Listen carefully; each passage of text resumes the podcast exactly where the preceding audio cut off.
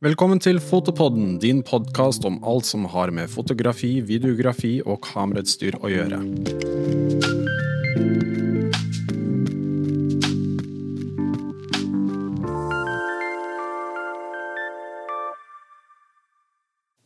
Velkommen tilbake til eh, Fotopodden. I dag har vi hatt en innspilling av episode to av Portefolioen. Hvis du ikke har sett den serien på YouTube-kanalen vår, så er det en serie hvor vi får inn fotografer og sånne ting til å gå gjennom portefolioen sin. Og i dag gjorde vi en innspilling med Snorre. Velkommen. Tusen takk. Og du sa altså ja til å være med på podkasten, som vi setter veldig pris på.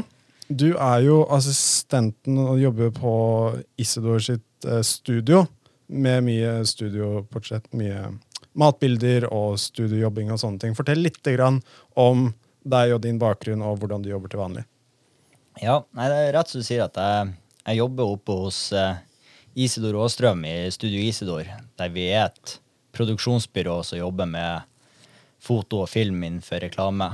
Og uh, der har vi, vi har veldig flytende rolle på, på, hva vi gjør og alt sånt i studioet vårt. Det er um, like mye assistering som å å ta i kamera eller sånt sjøl. Så min rolle der oppe er jo nå at ja, kall meg gjerne assistent på store, store reklameproduksjoner og alt sånt. Og så har jeg en del kunder og, og jobber som jeg gjør sjøl, da. Mm. Innenfor veldig mye av samme sjangeren som det Isidor gjør.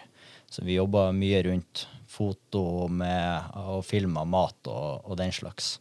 Jeg kan, jeg kan se for meg at det er flere som banker på døra der og har lyst til å jobbe der. Men du har jobbet der ganske lenge nå, har du ikke det? Jo. Øh, kjapt regna så er det vel fire-fem år jeg har jobba hos Isidor. Mm. Og det Ja, kall det gjerne flaks, eller kall det at jeg var målbevisst over at det var det jeg ville, og sånt. Men, men jeg hadde en, en, ganske sånn frem og tilbake vei for å komme meg dit, fordi at jeg gikk på Bilder Nordic og og hadde han som lærer der i, mm. i, kommersiell klasse. Og fikk et veldig godt forhold til han som uh, veilederen min, der han uh, gitte meg veldig mye gode tilbakemeldinger og, og, bygde meg veldig opp som fotograf. Og, og når jeg var ferdig på skolen der, så søkte jeg på jobb som assistent hos han, men den fikk jeg ikke. Og da hadde jeg bestemt meg for at fotograf det var jo det jeg skulle bli uansett, og det er jo mange veier til Rom. Sånn at uh, da begynte jeg hos en annen fotograf og jobba på et studio som heter Sone 5 her i Oslo. Og var kjent med flere fotografer og fikk vist frem prosjektene mine og sånt til dem og sånt også, men jeg hadde alltid muligheten til å stikke oppom til Isidor innom studio hans og alt sånt og vise det jeg hadde gjort. Og fortsette å få samme tilbakemeldinger på bilder av jobben jeg gjorde. Og jeg var veldig ivrig på og få tilbakemeldinger fra Isidor. Mm. Og det gjorde det at, uh, at, etter et år så slutta jeg på det studioet på Sone 5, og så begynte jeg hos en annen fotograf. Og så jobba jeg der en lita tid, og så fikk jeg en telefon fra Isidor mm. om jeg kunne tenke meg å jobbe hos han. Og den takka jeg ja til. Og jeg og Isidor hadde da en litt lengre prat om at uh, min vei videre skulle være mer enn bare en assistent i mengden. Mm. At, uh, at, jeg skulle ha en mulighet til å kunne fortsette å uh, utvikle meg og kanskje etablere meg som fotograf gjennom studioet hans. da. Og så har jeg jobba ganske hardt for å, å den, ha den rollen jeg har hos Isidor, sånn at han ikke skal bli helt lei av å ha meg hengende rundt. Ja. Sånn at uh, det har blitt ganske mange år. Og nå har vi gjort det sånn at vi har fått inn en uh, en til assistent, en som heter Edvard, som jobber hos oss, som, eh, som, har tatt over mye av den assistentjobben da, som jeg gjort tidligere. Og vi får fordelt, og jeg får vekta litt mer på min egen karriere. Hva var det som um, Isodor på en måte, Har han fortalt deg det? Hva, hva var det som endret meningen hans? med å Først så fikk du avslag, og så ble du kalt inn? Ja, jeg tror det handla mye med det. Han hadde jo en Det var jo en annen en som fikk jobb i istedenfor meg, da, en som uh, jeg gikk i klasse med.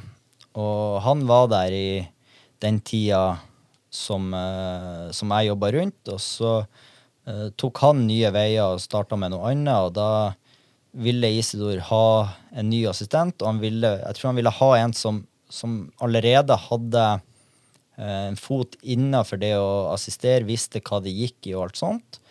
Og så tror jeg det hadde litt med den interessen og energien jeg visste for faget, og at, eh, at det at jeg ikke fikk jobb der første gangen, stoppa ikke det at jeg ville jobbe med det han drev med. Og, og det tror jeg hjalp veldig på at eh, ja, han så noe som kanskje han kunne bruke hos meg. da. Ja, og så eh, Det dere gjør til vanlig, er jo da mye matfotokampanjer osv.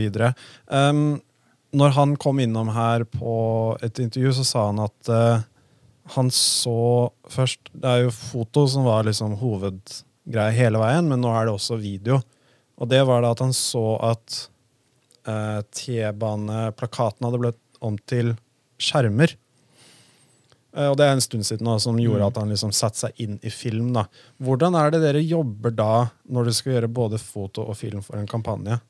Ja, så Vi får jo da en, en brief om at, uh, om at vi vil ha at kunden vil uh, publisere på flere flater, og da er foto og film da, i dette tilfellet.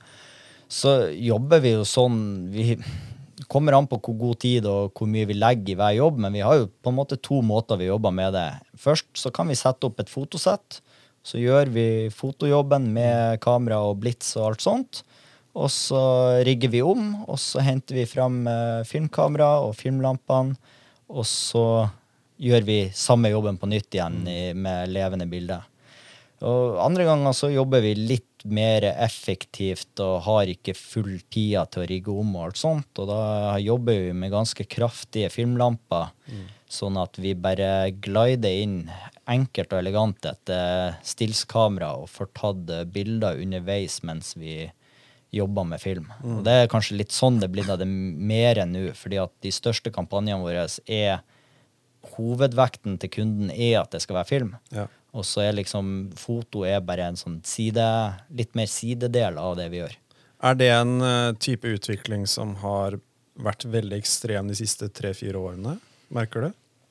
Ja, for oss har det tok det av på et tidspunkt at vi Vi hadde jo egentlig sett for oss at vi skulle jobbe litt med video i litt sånn litt lavere skala, da, og kanskje lage litt oppskriftsfilmer og litt sånn, som du nevnte, de T-baneplakatene og litt sånt.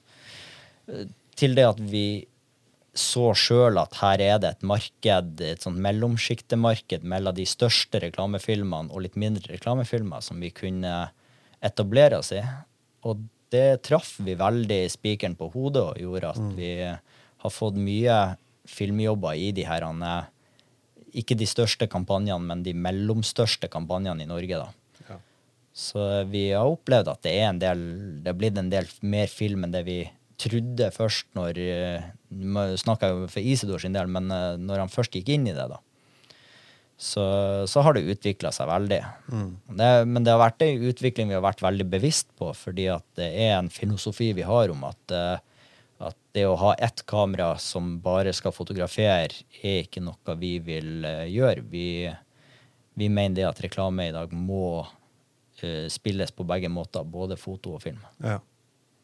Det er en veldig interessant utvikling. akkurat det der, mener Jeg i hvert fall at, altså jeg har merket også at veldig mange fotografer er også nødt til å sette seg inn i video i tillegg. Um, det er jo ulike prinsipper og sånne ting, og, og ulike ting du må mestre, men utsnittet er jo utsnittet. Ja. Uh, jeg husker Isidor sa at liksom bevegelse var det store. på en måte. Eh, alt annet er veldig nøye planlagt, men hvilken bevegelse, sakte inn, sakte på siden, sakte panning, alle de tingene der var liksom den største liksom, utfordringen. da. Det er helt klart det, det som er den hvis største utfordringa. Det å lære seg det at det kameraet det står ikke i ro. Det, For da hadde du ikke trengt et filmkamera. Ja. Sånn at det er jo det å lære seg hvilke bevegelser er f.eks. en positiv bevegelse, og hva er en negativ bevegelse, og, og hvilke bevegelser passer hvilket klipp, det er helt klart det som hva jeg sier, den største overgangen fra en uh, stillsfotograf til en videofotograf. Fordi at uh, settet har du, lyset har du, tanken om produktet har du. Alt dette er jo planlagt. Dette har du for Isidor sin del, det har han drevet med i 30 år før han fant uh, video. Sånn at det ligger veldig, veldig inne for han. Uh, mens, eh, mens det video og bevege kamera og alt sånt, det, det tror jeg er en, litt nytt og litt å sette seg inn i. Ja. Men dette er jo det sånn så for vår del på, når jeg gikk på skolen, så ble man kasta ut i dette allerede på skolen at uh, oppgavene vi leverte, måtte ha filmdel. Vi måtte jobbe med film, vi laga musikkvideo, vi, vi jobba veldig mye med levende bilder der òg. Ja. Fordi at det er den utviklinga. Det er så mye digitale flater i dag at uh, man kan ikke belage seg på at, uh, at det bare er plakater man skal fotografere. Ikke sant? Men du gikk jo på Bilde Nordic, som du sa. Men du gikk ut når hvilket år? Uh, gikk ut i 2014. Ja. Ja. Så det begynner å bli noen år i Oslo nå. Men de, jeg syns de har vært veldig flinke på akkurat å følge med på hva um, bransjen trenger av kompetanse. eh, på, med tanke på linjene deres og hvordan de adapterer seg og hvordan de får inn foredragsholdere og sånne ting. Men at de var så tidlig på, det, det er veldig bra. Ja, det må jeg gi litt uh, gi skryt til skolen, fordi at uh, de er veldig flinke med, med både de som styrer der, men også at lærerne er delaktige i yrket. Altså, så, så Isidor er fortsatt eh, stor reklamefotograf i Norge, men han er også lærer på skolen. Ja. Og det gjør det at, eh, at eh, lærerne har et veldig godt innblikk på hvordan bransjen fungerer, og de kan styre undervisninga veldig fint etter det. Sånn at det følte jeg hele tida, at man fikk et veldig sånn eh, tverrsnitt av bransjen, bransjen, selv om man ikke fikk eh, gå inn i bransjen med en gang. Så var det veldig sånn at eh, de var bevisst på å fortelle at ja, har du kunde med deg nå, så kan du ikke gjøre sånn, og da kan du gjøre sånn, og litt sånt. Så det var veldig bra. Man lærer masse av det av, av fagfolk. Um, og vi hadde jo også Marit Sviken innom, som også gikk på Bilde Nordic, og han sa jo det med tanke på at dere ble liksom kastet ut som assistenter eh, til eh, fotografer. Kan du fortelle litt om hvor viktig og hvor læringsrikt det å liksom bare være liksom flue på veggen og hjelpe til profesjonelle fotografer er? Ja, altså det som er med Hvis du skal ha det her som yrke, så for det første så trenger du mye lidenskap for fotografi og det her, for det er et, det er et tøft yrke. Det er mange om beinet, og det er, forventes høy kvalitet.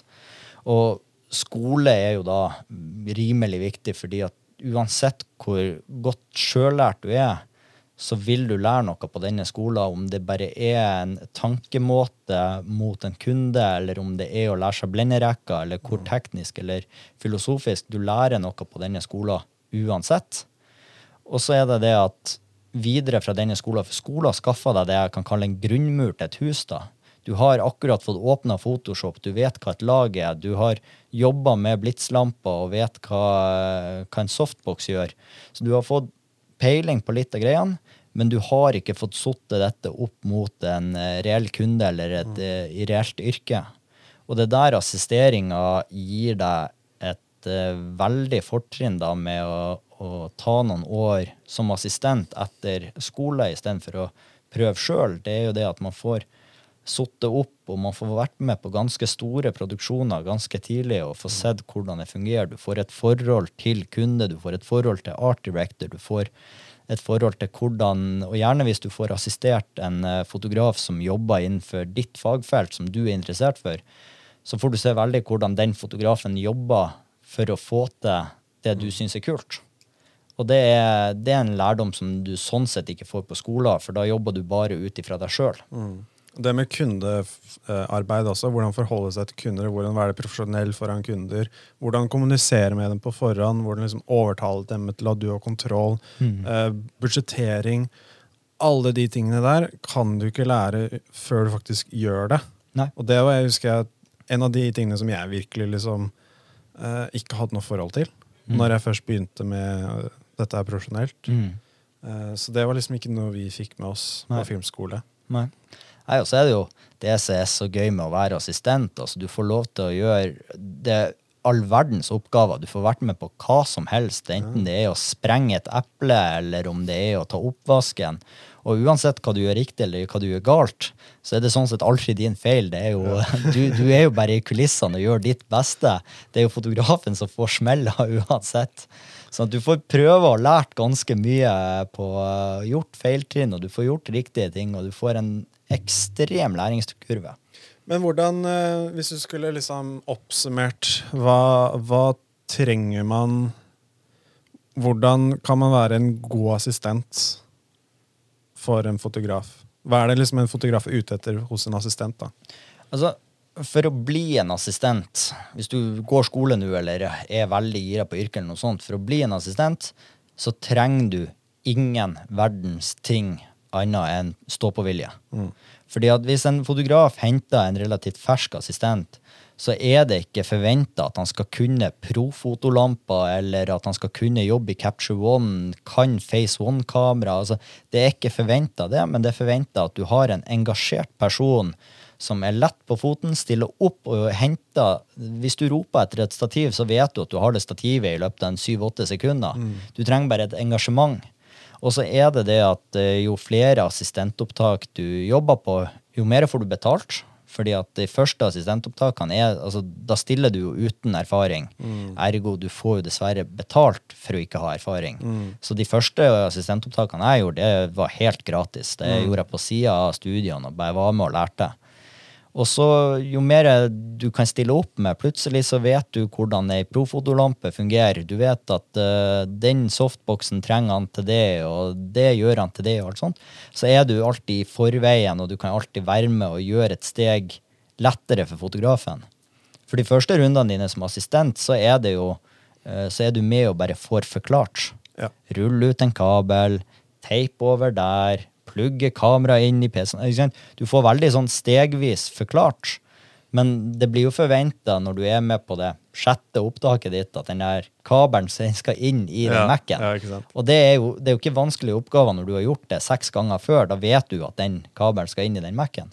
Jeg, jeg merket veldig fort som da jeg var produksjonsassistent på et par produksjoner Hvis du klarte å være den som svarte på spørsmål før det ble stilt, mm. da var du liksom eh, ettertraktet. da. Ja, og det er litt den der altså sånn, Står fotografen med et A4-ark og ser rundt seg, ja, det er det jo ei saks han skal ha.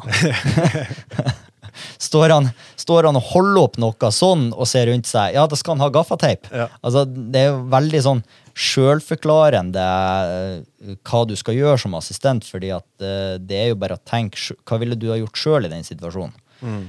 Og så er det jo sånn at uh, sånn som jeg jobber i, i Studio Isidor nå, så har vi alt. Vi har stativer, vi har teip, vi har klyper. Det, alt har fast plass. Jeg vet nøyaktig hvor jeg skal gå. og alt sånt. Men veldig mange jobber jo som frilansassistent. At du er hos nye fotografer uke inn og uke ut. Og da er det etter hvert ganske genialt å lage seg et sånt assistentkit. Mm. Og det går jo ut på det å ha de her tingene eh, som eh, du etter hvert oppdager at du alltid trenger. Mm. Du trenger alltid ei klype. Du trenger ja. alltid gaffateip. Ja. Og det er lurt å ha en ekstra USB-kabel, for den kan knekke. Altså, de her tingene som vi har liggende i et studio, få det pakka inn i en liten bag så du kan ha med deg, så blir du fort veldig ettertrakta. Ja. Det, det var jo Jeg bodde jo kollektiv med med det som var et assistentkollektiv. Og de her assistentbagene de sto jo bare på rekke og rad ved utgangsdøra, så det var jo bare å plukke med seg som det skulle vært branntøyet til en brannbil og bare kjørt av gårde. Det var alltid med. Det var alltid med. Og det gjorde det at, eh, at eh, flere av de jeg bodde med som eh, jobba veldig Jeg har jobba mye fast assistent, men de jobba mye frilans, og de var det fulle uker. Ja. Og det var fordi at de stilte opp De bygde seg opp en kunnskap og det gjør du uansett om du har en bag eller ikke, men de, de skaffa seg utstyr, de skaffa seg kunnskap, og de stilte opp i det lange og brede på opptak. Det var, ingen opptak var for lang, ingen var for vanskelig. det var mm. bare... Og da blir du for uh, Foto-Norge er så lite at uh, ryktet om en assistent, det går fort. Jeg får ja. ofte spørsmål av fotografer har du en assistent å anbefale. Og da går ryktet. Har du gjort den? Har dukker du opp på sett med en svær bag med klyper og ekstra Mac og kamera og hele pakka, og fotografen bare jøss. Yes. Mm. Så er du jo da er du sett for life, for da blir han til å si at du, han, han der, han, han, har med seg alt når han ja. kommer. Jeg, jeg kunne bare lene meg tilbake. Og det er akkurat det at selv om eh, fotografen skal eh, Fotografen skal jo gjøre sin jobb, og fotografen sin jobb blir lettere jo mer fotografen kan konsentrere på sine ting. Det er modellen eller produktet og lyset hans. Det er de to tingene som er det viktigste for fotografen. Og så kan liksom utstyret og kabler og alt sånn her Jo, hvis det kan lette fotografen, at noen andre tar det, jo lettere er det for fotografen, og bedre blir bildene. Og jo mer setter de pris på at du er der. Absolutt. Ja, absolutt. Så det er, det er det som er veldig greit. Hvis du skal bli assistent, så er det bare å rekke opp handa og være først med ut. Ikke være redd, fordi at alle har vært nye, og, og hvis de plukker deg opp fra gata, så vet de at du kan ikke håndtere en Face One. Det er ikke derfor de har plukka deg opp. Men de har sett noe at du er engasjert, og du springer på sett, og du, du sier at dette Jeg står opp klokka seks, ingen problem. Det er det man ser etter, først og fremst. Og det er også den øh, øh, nysgjerrigheten også. At du stiller spørsmål, viser at du er nysgjerrig, viser at du ønsker å lære. Og sånne ting. Og fagfolk ønsker jo og elsker å snakke om, eh, om dette her og Absolutt. videreformidle informasjon. Og, men så hvis du stiller et spørsmål én gang og sier at du ikke vet én gang, og så blir du lært det, så er det forventet at du skal Ja da. Da skal det sitte. Ja. det, Hvis må gjøre det igjen og igjen, så er det liksom litt annerledes. Ja. Ja, det er klart det at du forventer jo at man skal at, at lærdommen du gir bort, skal liksom bli tatt imot. Ja, den skal sitte Men uh, herregud, jeg har stilt mange dumme spørsmål. Det, Ja. det er bare sånn det blir. For det er av og til så er jo fotografen rarere enn eh, de fleste. Så det er sånn Hæ, mente han at du sk...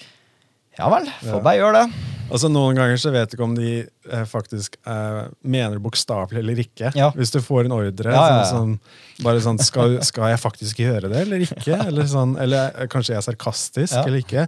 Jeg vet at i, i um, Hvis du er kokkelærling, så får du ofte sånn tester, har jeg hørt. Mm. Jeg kjente en som var kokkelærling, og så var det en annen kokk jeg snakket med. Bare for å kødde med lærlingene, så gir du dem umulige oppgaver på første dagen. Ja da. Bare sånn her, Du må løpe ut i butikken og skaffe et eller annet som faktisk ikke eksisterer. Et Ja produkt som ikke eksisterer. Ja eller du må finne en redskap i kjøkkenet som ikke eksisterer. Absolutt. Og bare mase mase mase på det, men bare få dem til å stresse skikkelig. da. Ja. Bare for å være drittsekker. Ja da, det er dårlig humor. alle, kok alle kokkene bare ler seg i hjel og syns det er kjempegøy. Tror det er miljøting. Ja, ja. Men det som er når lærlingene da blir kokker, så gjør de det akkurat Ja, samme mot lærlingene. Fordi de, de skal liksom ta igjen litt. Er Dessverre sånn det er. Ja, det er litt det. Men eh, nei, og det, det, det som er at alle fotografer jeg har vært med ut på opptak og jobba med, det er kjempehyggelige folk. Det er mye humor, det er mye glede. Det er, altså, vi, vi jobber med reklame, vi har det gøy med penger og gjør morsomme ting. Det er ingen seriøse, triste dager. Det er mye, mye glede. sånn at det, det er ikke noe farlig å være med som assistent. Det er en av de tingene jeg elsker mest med dette her, at alle som jobber i den bransjen, elsker det de gjør. Ja. Og det er så gøy å være rundt folk som gjør det. Det er ingen som er fotograf og ikke har lyst til å være det. Nei, det, Det er liksom litt feil. Det, ja, det er litt feil, for det krever så mye å bli det at, Ja. uh, at du Da har du gjort noe veldig rart hvis du våkner opp en dag og Nei, vet du hva, det var, var veldig rart valg av meg. Ja, eller bare sånn Jeg gjør det for finansielle Jeg gjør det for pengene. Nei, det gjør, det gjør du ikke.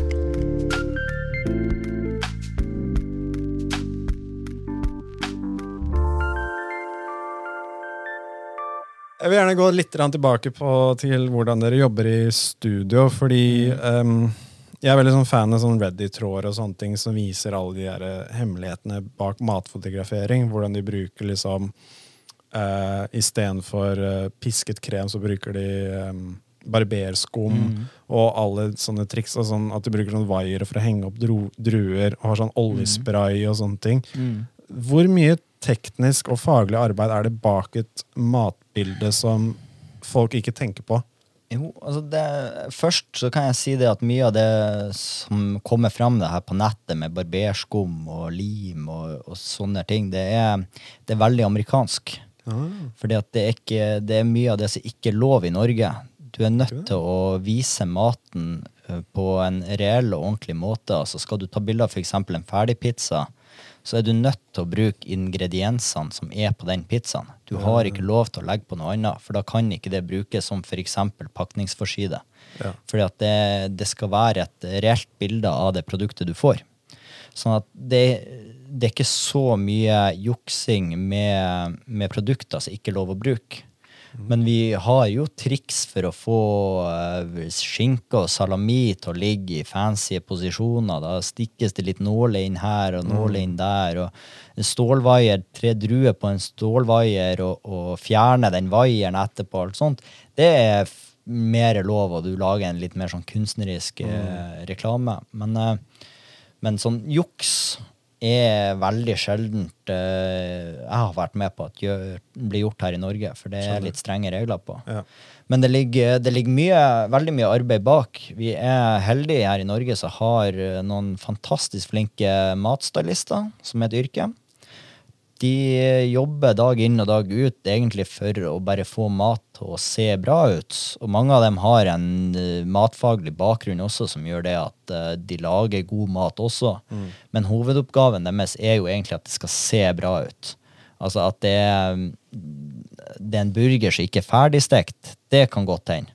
Fordi at det er ikke det viktige, men at den har fått den skorpa som den skal ha, og, og slike ting, det er det som er litt eh, viktigere. Og sånn som det er McDonald's-bildene, da er det jo viktigere at ingrediensene de pushes fram i bildet. Altså, det er fordi at når du står der og skal velge den burgeren, så skal du se at ok, jeg får løk, jeg får tomat, jeg får salat, det er burger der, det er ost der. Altså, du skal se hvert lag, fordi at de har ikke lov til å ikke vise Hvis de ikke hadde visst at det var tomat på den, og så er du allergisk mot tomat, så har jo du blitt lurt av den eh, plakaten der oppe.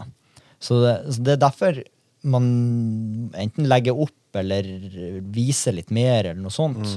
Men, eh, men det er et veldig strengt lovverk på det at, at eh, skal det være åtte kjøttboller i den her han er ferdig pasta kjøttbolleretten her, så kan ikke vi ta et reklamebilde med ni eller ti kjøttboller. Nei, ikke sant. For da, eh, da har vi juksa, vi har visst feil informasjon, og det kan jeg love deg at kunder legger merke til å klikke i Ja. vinkel på, på kunden, og da sitter de med et stort problem.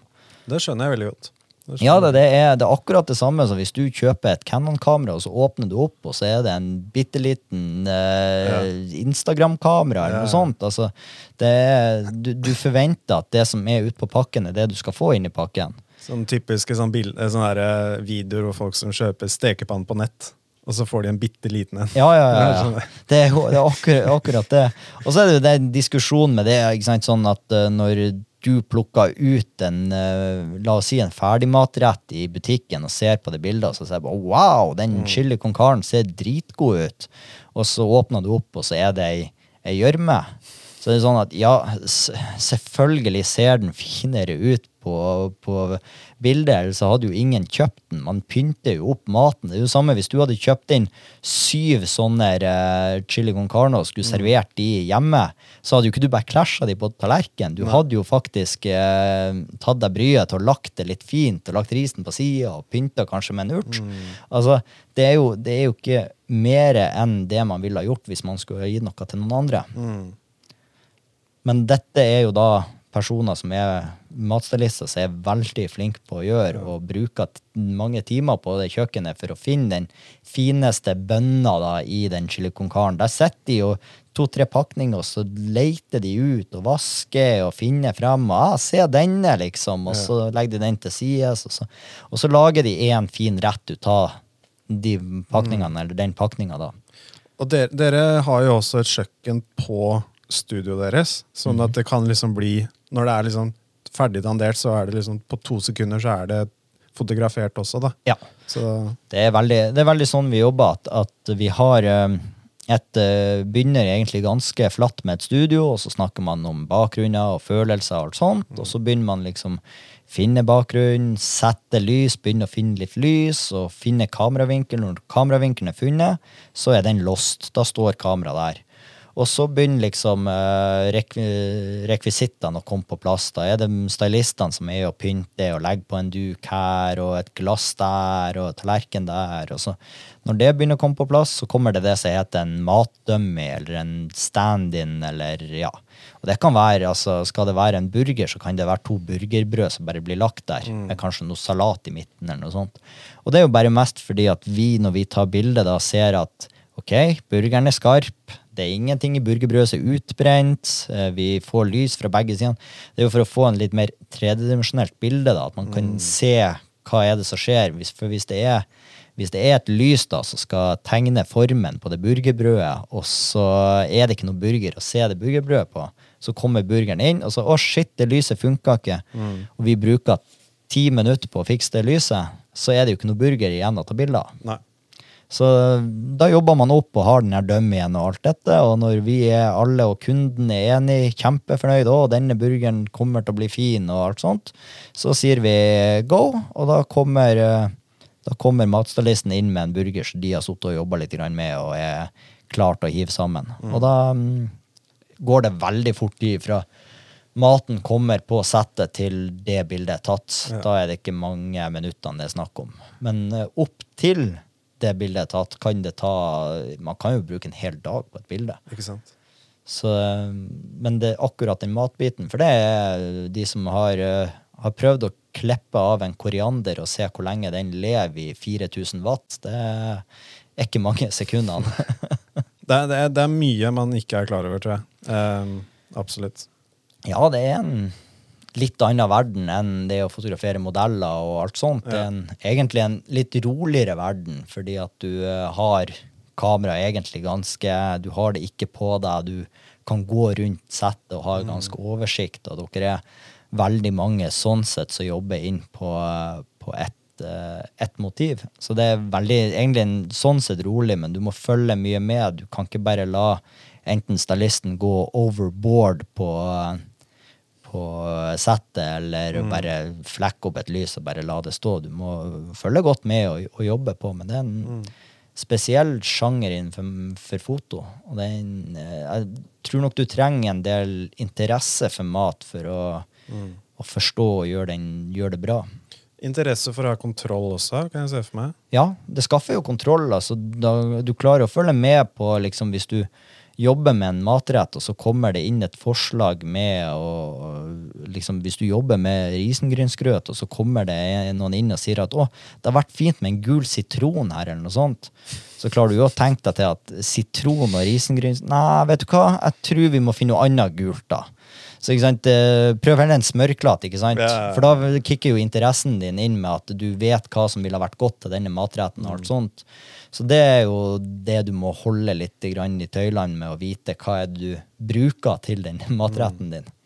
Jeg tipper du blir ganske inspirert med å lage matretter hjemme òg, med dette her? Ja, du blir det. Du står jo i veldig mange fine retter i løpet av ja, uke. Ja. så det er... Får, får, litt inspirasjon? Du blir litt inspirasjon og får jobba med gode kokker og gode matsalister. Så da er det Du har lyst til å springe hjem og lage litt mat, så det blir litt matlaging. Ja.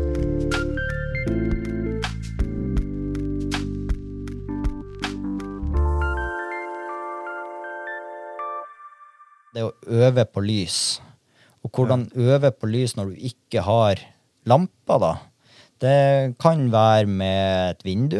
Stå nært vinduet. Gå litt ifra vinduet. Mm. Ha en rullegardin som du kan ta opp. Uh, bruk det lyset som er rundt deg, og, og veldig fin inspirasjon i, i hvordan lyset er til enhver tid. Jeg er jo veldig der at jeg kan sitte hjemme, og hvis vi sitter og ser på TV, og det kommer inn noe kveldslys, og så treffer det gjennom noen blomster, og mm. reflekterer på veggen, eller noe sånt, så må jeg opp med telefonen. Sette alt på pause, opp med telefonen og ta bilde av dette lyset. For det er sånn Å, det var fint. Dette er en inspirasjon. Dette er en følelse som jeg kan jobbe med videre.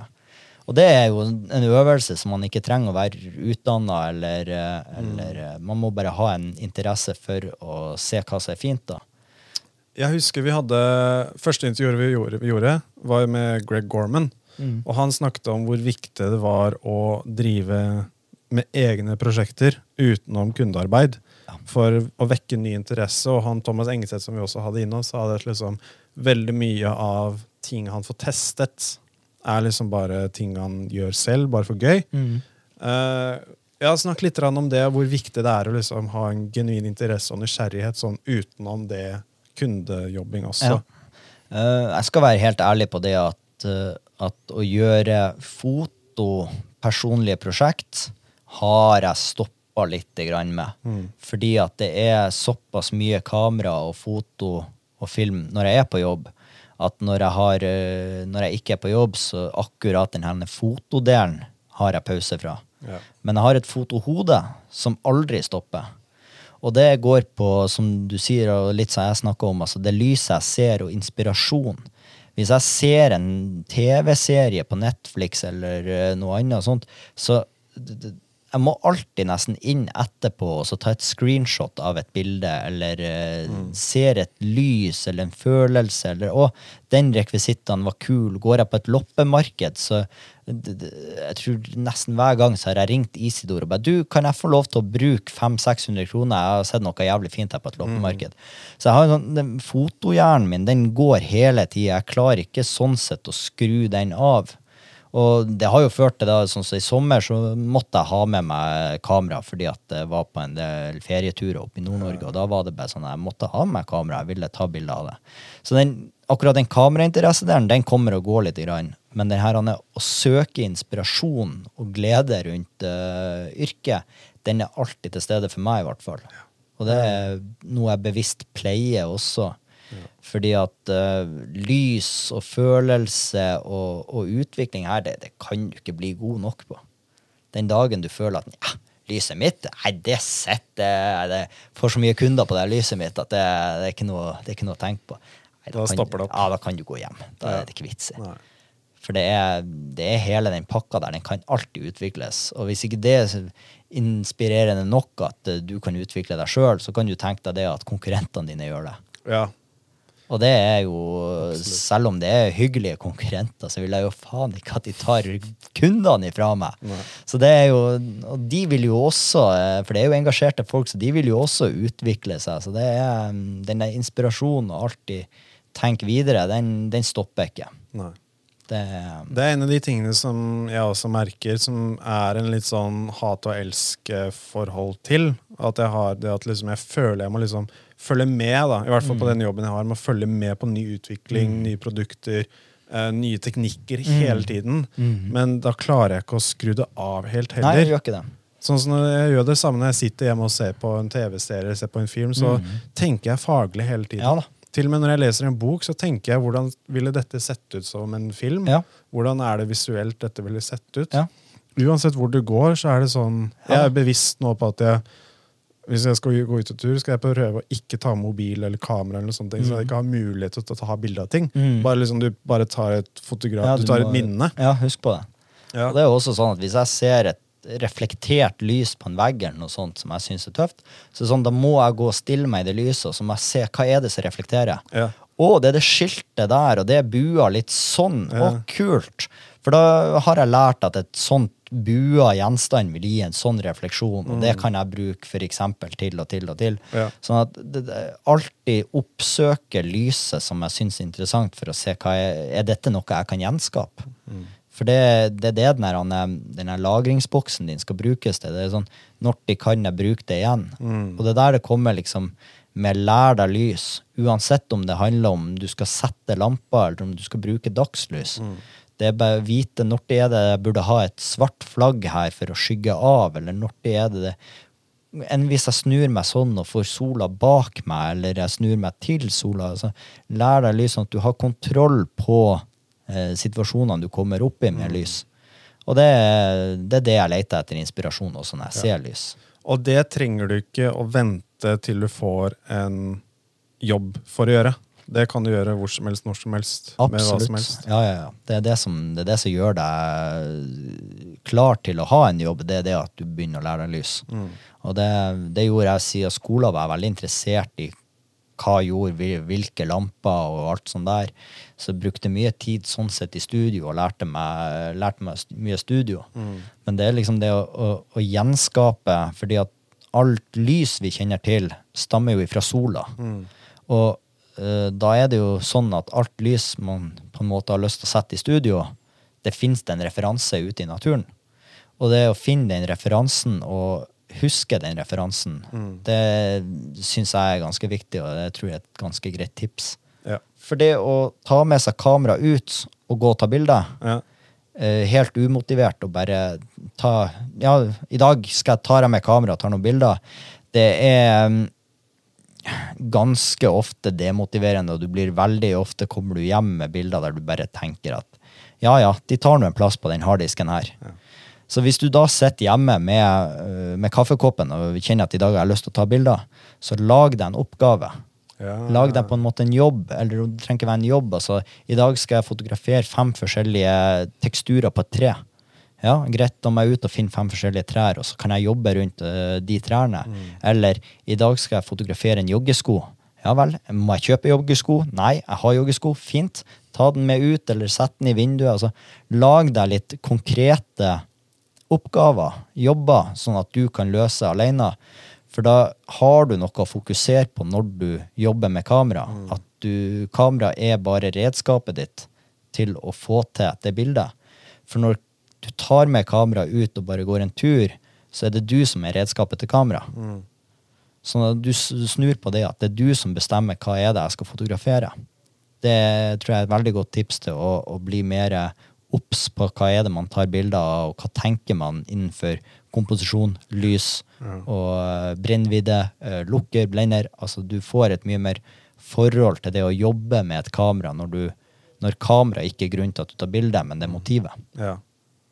Veldig godt tips. Det å gi seg selv begrensninger også. Ja.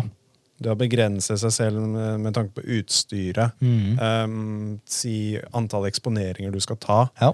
Um, at du ikke får lov til å se på bildene mens du tar bildene. Du Ja. skal bare stole på deg selv. Alt på manuelt. Ja.